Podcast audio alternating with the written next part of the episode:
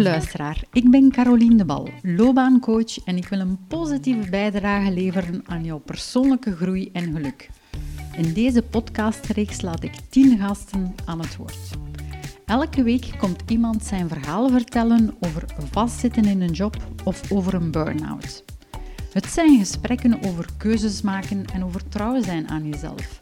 Het gaat over vallen en opstaan en telkens één keer meer opstaan dan vallen. Laat je inspireren door mensen die hun hart volgen en op die manier weer content en gelukkig zijn. Dag Greet, ik ben heel blij dat je hier bent. Je hebt me een tijdje geleden een e-mailtje gestuurd en ik, was daar zo, ik werd daar zo gelukkig van, omdat je mij vertelde dat je je hart volgt. Neem ons eens mee in jouw verhaal.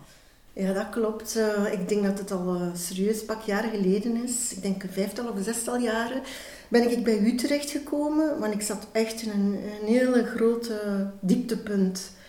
Ja, ik was eigenlijk thuis omdat ik uh, depressief was. Maar um, ik, ik, stelde mij allerlei vragen, maar vooral ook rond, rond mijn carrière, rond mijn werk zal ik maar zeggen. Ik, ik kan niet zeggen dat ik erg gelukkig was op mijn werk ook. En ik zat met een bepaalde passie in mij wat ik tot dan toe eigenlijk nog nooit iets mee gedaan had. En dat was schilderen. Het is te zeggen, ik had er wel iets mee gedaan. Ik had, eh, als ik 35 jaar was, heb ik ooit een, uh, een dagopleiding meesterschilder gevolgd. Ja. Dat is lang geleden, maar ik heb dat dan opgeborgen in een doosje en onder mijn bed geschoven en dan nooit, ah ja, dan eigenlijk echt niet meer iets mee gedaan. En, en dat was iets dat bij mij enorm wrong. En wanneer is dat doosje dat dan zo veilig onder uw bed stond, terug naar boven gekomen? Wel, dat is misschien een beetje raar, maar eigenlijk in de periode dat ik ook depressief was. Um, ik begon dan ook blijkbaar ook wel na te denken, alleen wat ga ik nu doen met mijn leven? En ik had ook altijd het gevoel, ik ben te oud om, om dingen te veranderen. Ik zat in een rondeke te draaien. Dus altijd dezelfde, dezelfde vragen. En toch kwam iedere keer dat doosje terug. Ja. Uh, van onder dat bed geschoven, van zoiets van een diep, een stil en een warm verlangen om iets te doen met iets waar ik eigenlijk goed kan. Dat durf ik nu wel zeggen en dat was schilderen. Ja. Wat is eigenlijk de trigger geweest dat je zegt van, en nu ga ik er echt iets mee doen? Um, en wel, de trigger is eigenlijk wel geweest uh, toen dat ik terugkwam van bij u. Dus ik heb die, die, die opleiding gevolgd um, en je hebt mij doen nadenken over een aantal zaken.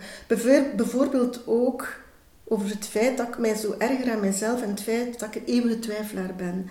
Bij mij duurt alles veel langer eer dat ik tot beslissingen kom. En je hebt dat omgedraaid. Je hebt gezegd twijfelen, dat betekent dat je zo wat dingen gaat vergelijken en naast elkaar zetten. En ik kwam met een redelijk, met zo'n gevoel naar buiten van, ah bon, het is eigenlijk niet zo erg hoe dat ik sta nu. Misschien heb ik heel veel jaren nodig gehad om te komen tot, tot een beslissing. En, en dan is dat zo wat beginnen sprankelen en groeien. Maar ik zie, ik zie dat je aan het sprankelen bent. Ja. Ik zie echt wel je oogstjes blinken. Ja, maar ik ben, ben content. Lijkt dat, ik, lijkt dat ik nu bezig ben eigenlijk. Ja, en vertel eens wat meer. Wat doe je juist? Want de luisteraar weet natuurlijk wel. Ja, wel, dus ik heb een, uh, als ik 35 jaar was, een dagopleiding meesterschilder gevolgd. Voor, voor mensen die dat niet kennen, eigenlijk zijn dat oude technieken. Um, trompeluis, uh, faux bois, faux marmeren, bladgoud leggen. En ik heb altijd een droom in mijn hoofd gehad om mensen een huis te kunnen decoreren. Maar dan zo wat persoonlijk. Mensen die zeggen van kijk, wij wonen bijvoorbeeld in Brussel, we hebben een, een herenhuis en we zouden graag hebben dat je daar een, persoonlijk projectje voor ons doet. Um, en ik heb gewoon de kamer van mijn zoon eh, omgebouwd tot mini-ateliertje. Ik dacht ook vroeger altijd van, ik moet een groot atelier hebben met grote vensters en ramen. En ik had dat vroeger, maar ik deed daar niks mee. In de periode dat ik nog gehuwd was en in een heel mooi herenhuis woonde. Ik had een atelier, maar ik kwam er nooit. En het gekke is, toen dat ik dan in mijn klein appartement ging wonen, uh, toen dat toen, toen begon ik na te denken van, ik ben altijd excuses aan het verzinnen om, om iets niet te doen. En ik dacht, doe dan gewoon een keer. En in dat klein kamertje heb ik mijn atelier gemaakt en ben ik gewoon beginnen schilderen. Met als gevolg dat gordijnen en kasten en meubels soms vol met verf gingen. Maar bon, uh, ik was bezig en eigenlijk was ik vertrokken zo. Ja. En kun je, nog precies zeggen wat dat er gebeurd was? Dat je zegt van oké, die kleine kamer, dat is geen, ik zoek geen excuus niet meer, ik ga het gewoon doen. Wie of wat heeft u getriggerd dat je zegt van voilà, ik zet die stap? Um, wel, uh, ik denk wie, en dan, dan kom ik terug bij u. Ik denk door, door bij jou te komen dat ik mij realiseerde dat, dat mijn uh, negatief idee van mijn leven, zo van het is afgelopen, ik kan hier niks meer veranderen. Ik, ik heb daarover nagedacht en ik dacht, het is nooit, nooit te laat om te veranderen. Dus dat was één ding, dat, daar ben ik van overtuigd, dat dat mij de aanzet gegeven heeft om toch te veranderen. Maar ik had mijn dochter, die mij ook regelmatig zei, als ik mezelf voor de zoveelste keer afbrak, van, ik had dat niet door dat ik mezelf zo vaak afbrak. En die zei, maar alleen maar, kijk een keer wat, dat, wat dat jij allemaal kunt. Ja. En als ik daar nu over nadenk, dan denk ik ook dat, dat Laura mij, uh, mij ook courage gegeven heeft om voor te doen.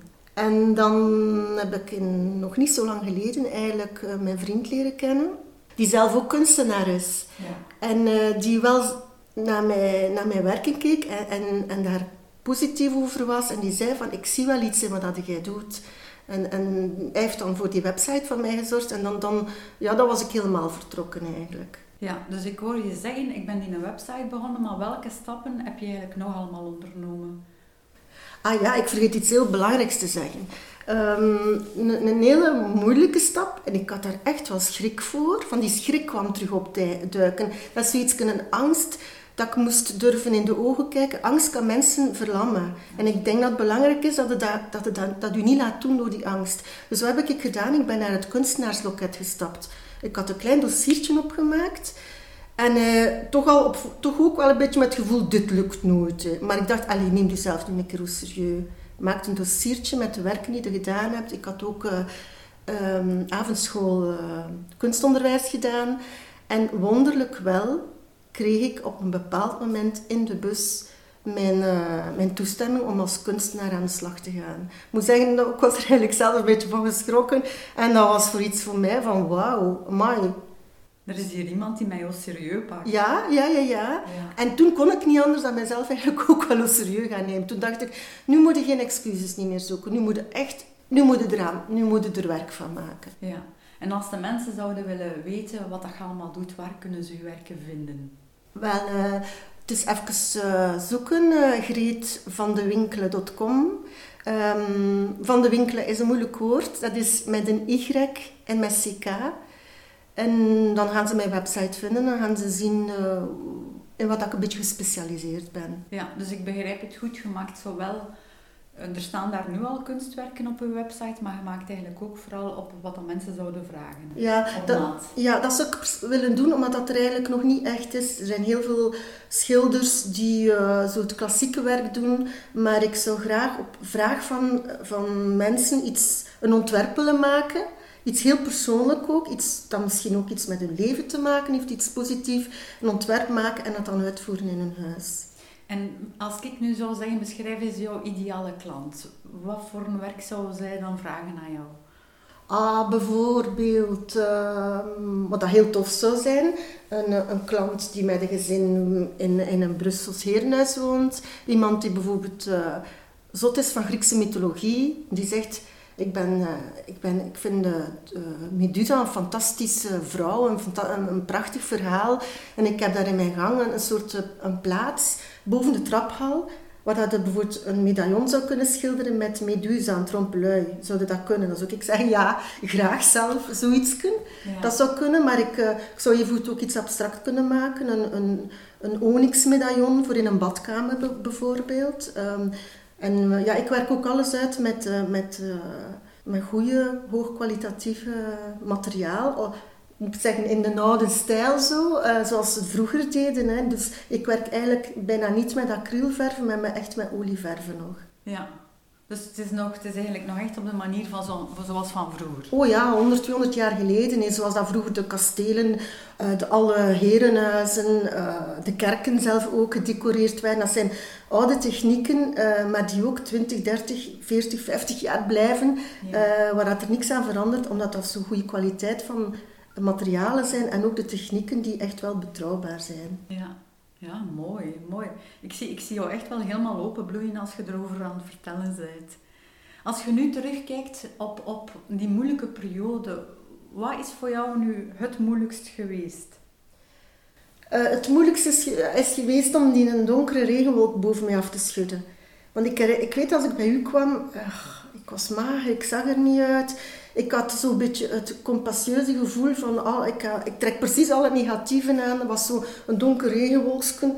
Overal dat ik stapte, dat ging precies mee. En ik had dat niet door, dat ik eigenlijk zelf een beetje verantwoordelijk was voor die regenwolk. Ehm, en dat je soms zelf stappen moet onder, ondernemen om van die regenwolk af te geraken. En, en een van die stappen was bij u komen bijvoorbeeld. Ja, dat is heel mooi dat je daar zegt, hè, dat je zelf een deel verantwoordelijk bent voor de situatie waarin je in zit. Ja. Welke tip zou je willen meegeven aan onze luisteraars? Uh, wat mij betreft uh, is, is de belangrijkste tip uh, van het, is, is, is nooit te laat en je bent nooit te oud om je dromen te volgen. En dat past wel echt wel helemaal voor mij, want ik ben, ik ben nu 61, maar ik voel me helemaal niet oud. Ik heb me nog nooit zo goed gevoeld. Die, die cijfers zijn niet zo belangrijk. En ik denk ook wel dat het u enorm veel energie geeft als u dromen waarmaakt. En ja, ik ben eigenlijk wel vrij content. Ja, mooi. Heel mooi. En zijn er nu fulltime schilder? Nee, nee, ik combineer het eigenlijk met mijn vroegere job. En dat was vroeger ook zoiets, toen ik bij u kwam, uh, twijfelde ik gewoon aan alles. En ik dacht, oh, die een job van mij, dat is saai. Maar op mijn werk hebben ze ontdekt dat ik eigenlijk wel een creatieve denker ben ook. Dus wat doe ik? Twee creatieve zaken. Op mijn werk uh, ben ik creatieve projecten aan het uitdenken. Ik mag die dan ook realiseren. En daarnaast doe ik eigenlijk mijn passie en dat is schilderen. En dat is een perfect evenwicht. Mooi. Als je in mijn stoel zou zitten, is er nog een bepaalde vraag dat ik jou nog niet gesteld heb? Dat je zegt van, goh, dat is toch ook wel een belangrijke dat ik nou meegeef? Wat dat de rol, de rol van uh, vrienden was, of van je omgeving was, daar, daar heb je misschien nog niks over gevraagd. Uh, ik, ik kan me herinneren dat mensen soms dingen tegen mij zeiden die ik niet graag hoorde ook. En waarom, waarom hoorde ik dat niet, dat niet graag? Omdat, ze zo, omdat het zo waar was, wat ze zeiden. Bijvoorbeeld, uh, ja, ik herinner me toch inderdaad een vriendin, het gaat nu wel iets over iets persoonlijks, maar ik wil dat wel even zeggen, die zei van, waarom blijf je in dat huwelijk hangen als je zo ongelukkig bent? Ja. En, en, en ik herinner me dat. En de dag dat ze wist dat ik uh, de stap ging zetten om te vertrekken, dan zei ze, amai, gaat dan toch naar mij geluisterd. maar, maar ja, soms is het wel ook nodig om eens te, je open te stellen voor zaken die mensen tegen je zeggen die misschien niet zo tof zijn. omdat ze confronterend zijn. Ja, ik ging juist zeggen, omdat de spiegel is. Ja, en je ja, dan even in je eigen diepste moeten kijken van, hoe zit dat hier juist? Ja, heel mooi. Als laatste vraag, welke drie personen hebben jou positief beïnvloed? Um, daar ga ik even over nadenken. Um, er hebben mij ja, toch wel een aantal personen beïnvloed, maar dan denk ik meer aan kunstenaars, maar mensen uit mijn directe omgeving. Um, ik ga u in de bloemetjes zetten, want de grote, de grote stap naar verandering is eigenlijk gekomen in een van mijn donkerste periodes in mijn leven, toen dat ik hier bij u beland ben. Dat moet ik zeggen. Dat was een, een enorme grote stap. Om, om concreet iets te veranderen aan mijn situatie waarin dat ik echt ongelukkig was. Mijn, mijn werk, hoe dat ik niet gelukkig was. En de passie die ik, die toch desondanks bleef voelen voor kunst en voor schilderen. Ehm, ja, jij zeker. Ehm, ik denk eigenlijk ook wel, um, ik, had een, ik heb nog altijd een heel goede band met mijn dochter. En uh, mijn dochter die zag wel dat ik wel wat kon tekenen en schilderen. En ik had vroeger ook altijd een neiging om mezelf zo te minimaliseren. En af en toe zei zij toch wel tegen mij, maar mama, toch alleen stop een keer met dat... Doe dat een keer niet zo mooi dat dat is wat je doet. En als dat uit de kindermond komt, dan komt dat... Allee, dat was... Dat was ik smolt daar eigenlijk ook wel een beetje van. En de waarheid komt uit een kindermond. Ja, waarschijnlijk wel. Hè. Ja. En uh, dan wat dichterbij, diegene die mij dan die voor de doorbraak gezorgd heeft. Ik heb gelukkig in mijn leven opnieuw de, de liefde gevonden. Dat klinkt vrij romantisch. Ik had dat nooit verwacht. Ook zelfs voor dat is het nooit te laat.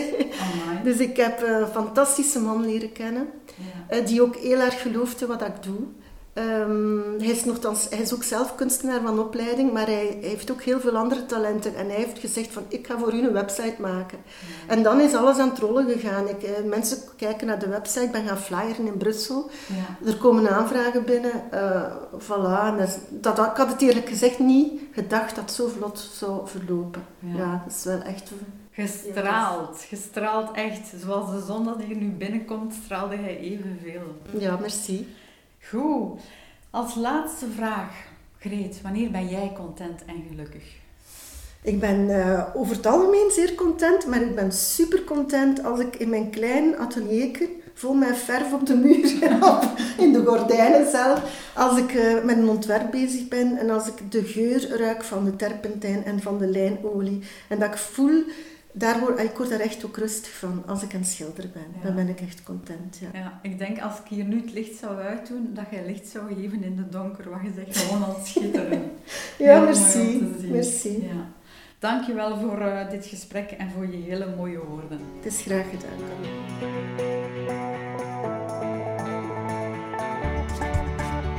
Heb jij ook het gevoel dat je vastzit? Wil je niet gewoon overleven, maar weer volop leven? Zet dan vandaag die eerste stap en contacteer me via LinkedIn, Instagram of via de website damaicoaching.be.